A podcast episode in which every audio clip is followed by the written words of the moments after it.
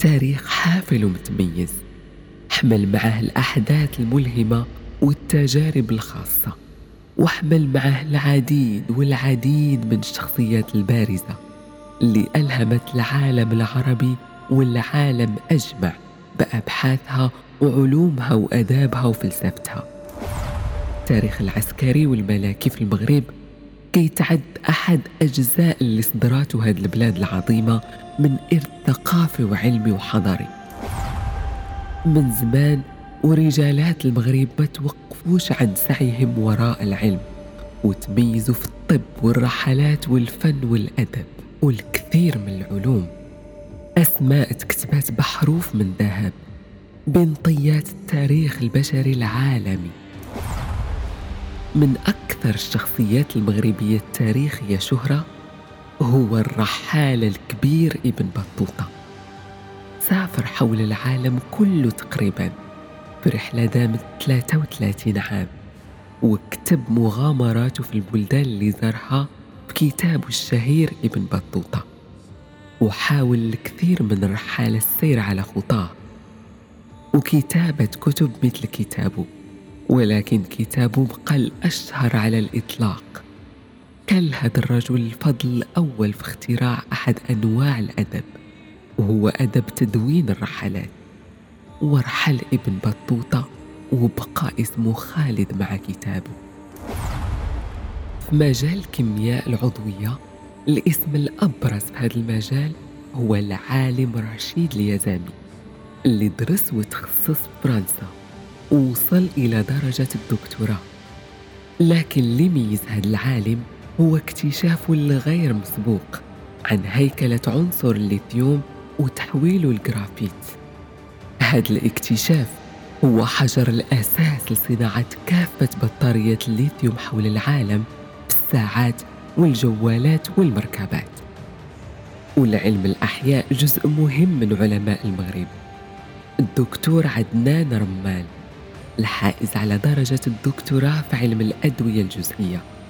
أول من اكتشف النشاط المضاد للميكروبات تجاه بعض الزيوت الأساسية.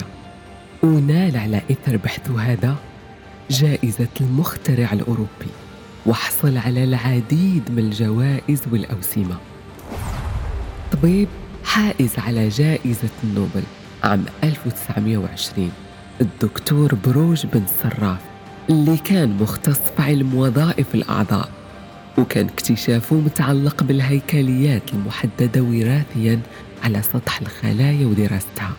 هذه الهيكليات هي اللي كتنظم جهاز المناعة البشري وبفضل دراسته استفاد العلماء كثير في فهم الأدوار المختلفة في جهاز المناعة البشري.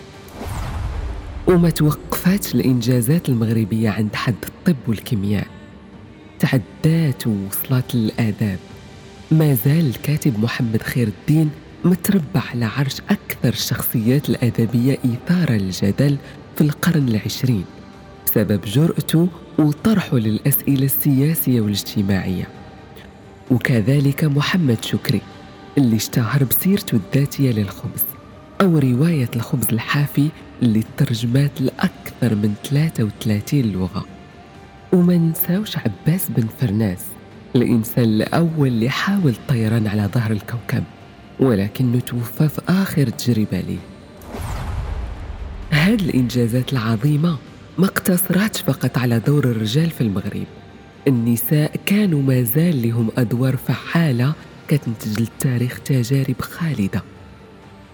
أولهم فاطمة الفهري اللي أسست الجامعة الأولى في المغرب والعالم. وهي جامعة القرويين عام 859 ميلادية. استلمد فيها العديد من الشخصيات العربية والعالمية وتخرج منها علماء العالم مثل ابن خلدون وغيره من علماء العرب. أما على صعيد الرحلة فأول امرأة مغربية قامت برحلة استكشافية إلى القطب الجنوبي هي مريم شديد. واللي غرست عالم المغرب هناك. وكانت مشاركة في تأسيس المرصد الفلكي الدولي هذيك القارة بهدف دراسة النجوم من هناك. ليلى أبو زيد كاتبة معروفة عالميا بكتاباتها ورواياتها القريبة من قلب القراء. كانت كتكتب بالعربية الفصحى وترجمات كتابتها إلى الإنجليزية والفرنسية. وكتبات عن الفقر والغنى وصراعات العائلات وصراع الحداثة والثقافة التقليدية. هذه بعض الأسماء القليلة اللي صدرها المغرب للعالم أجمع.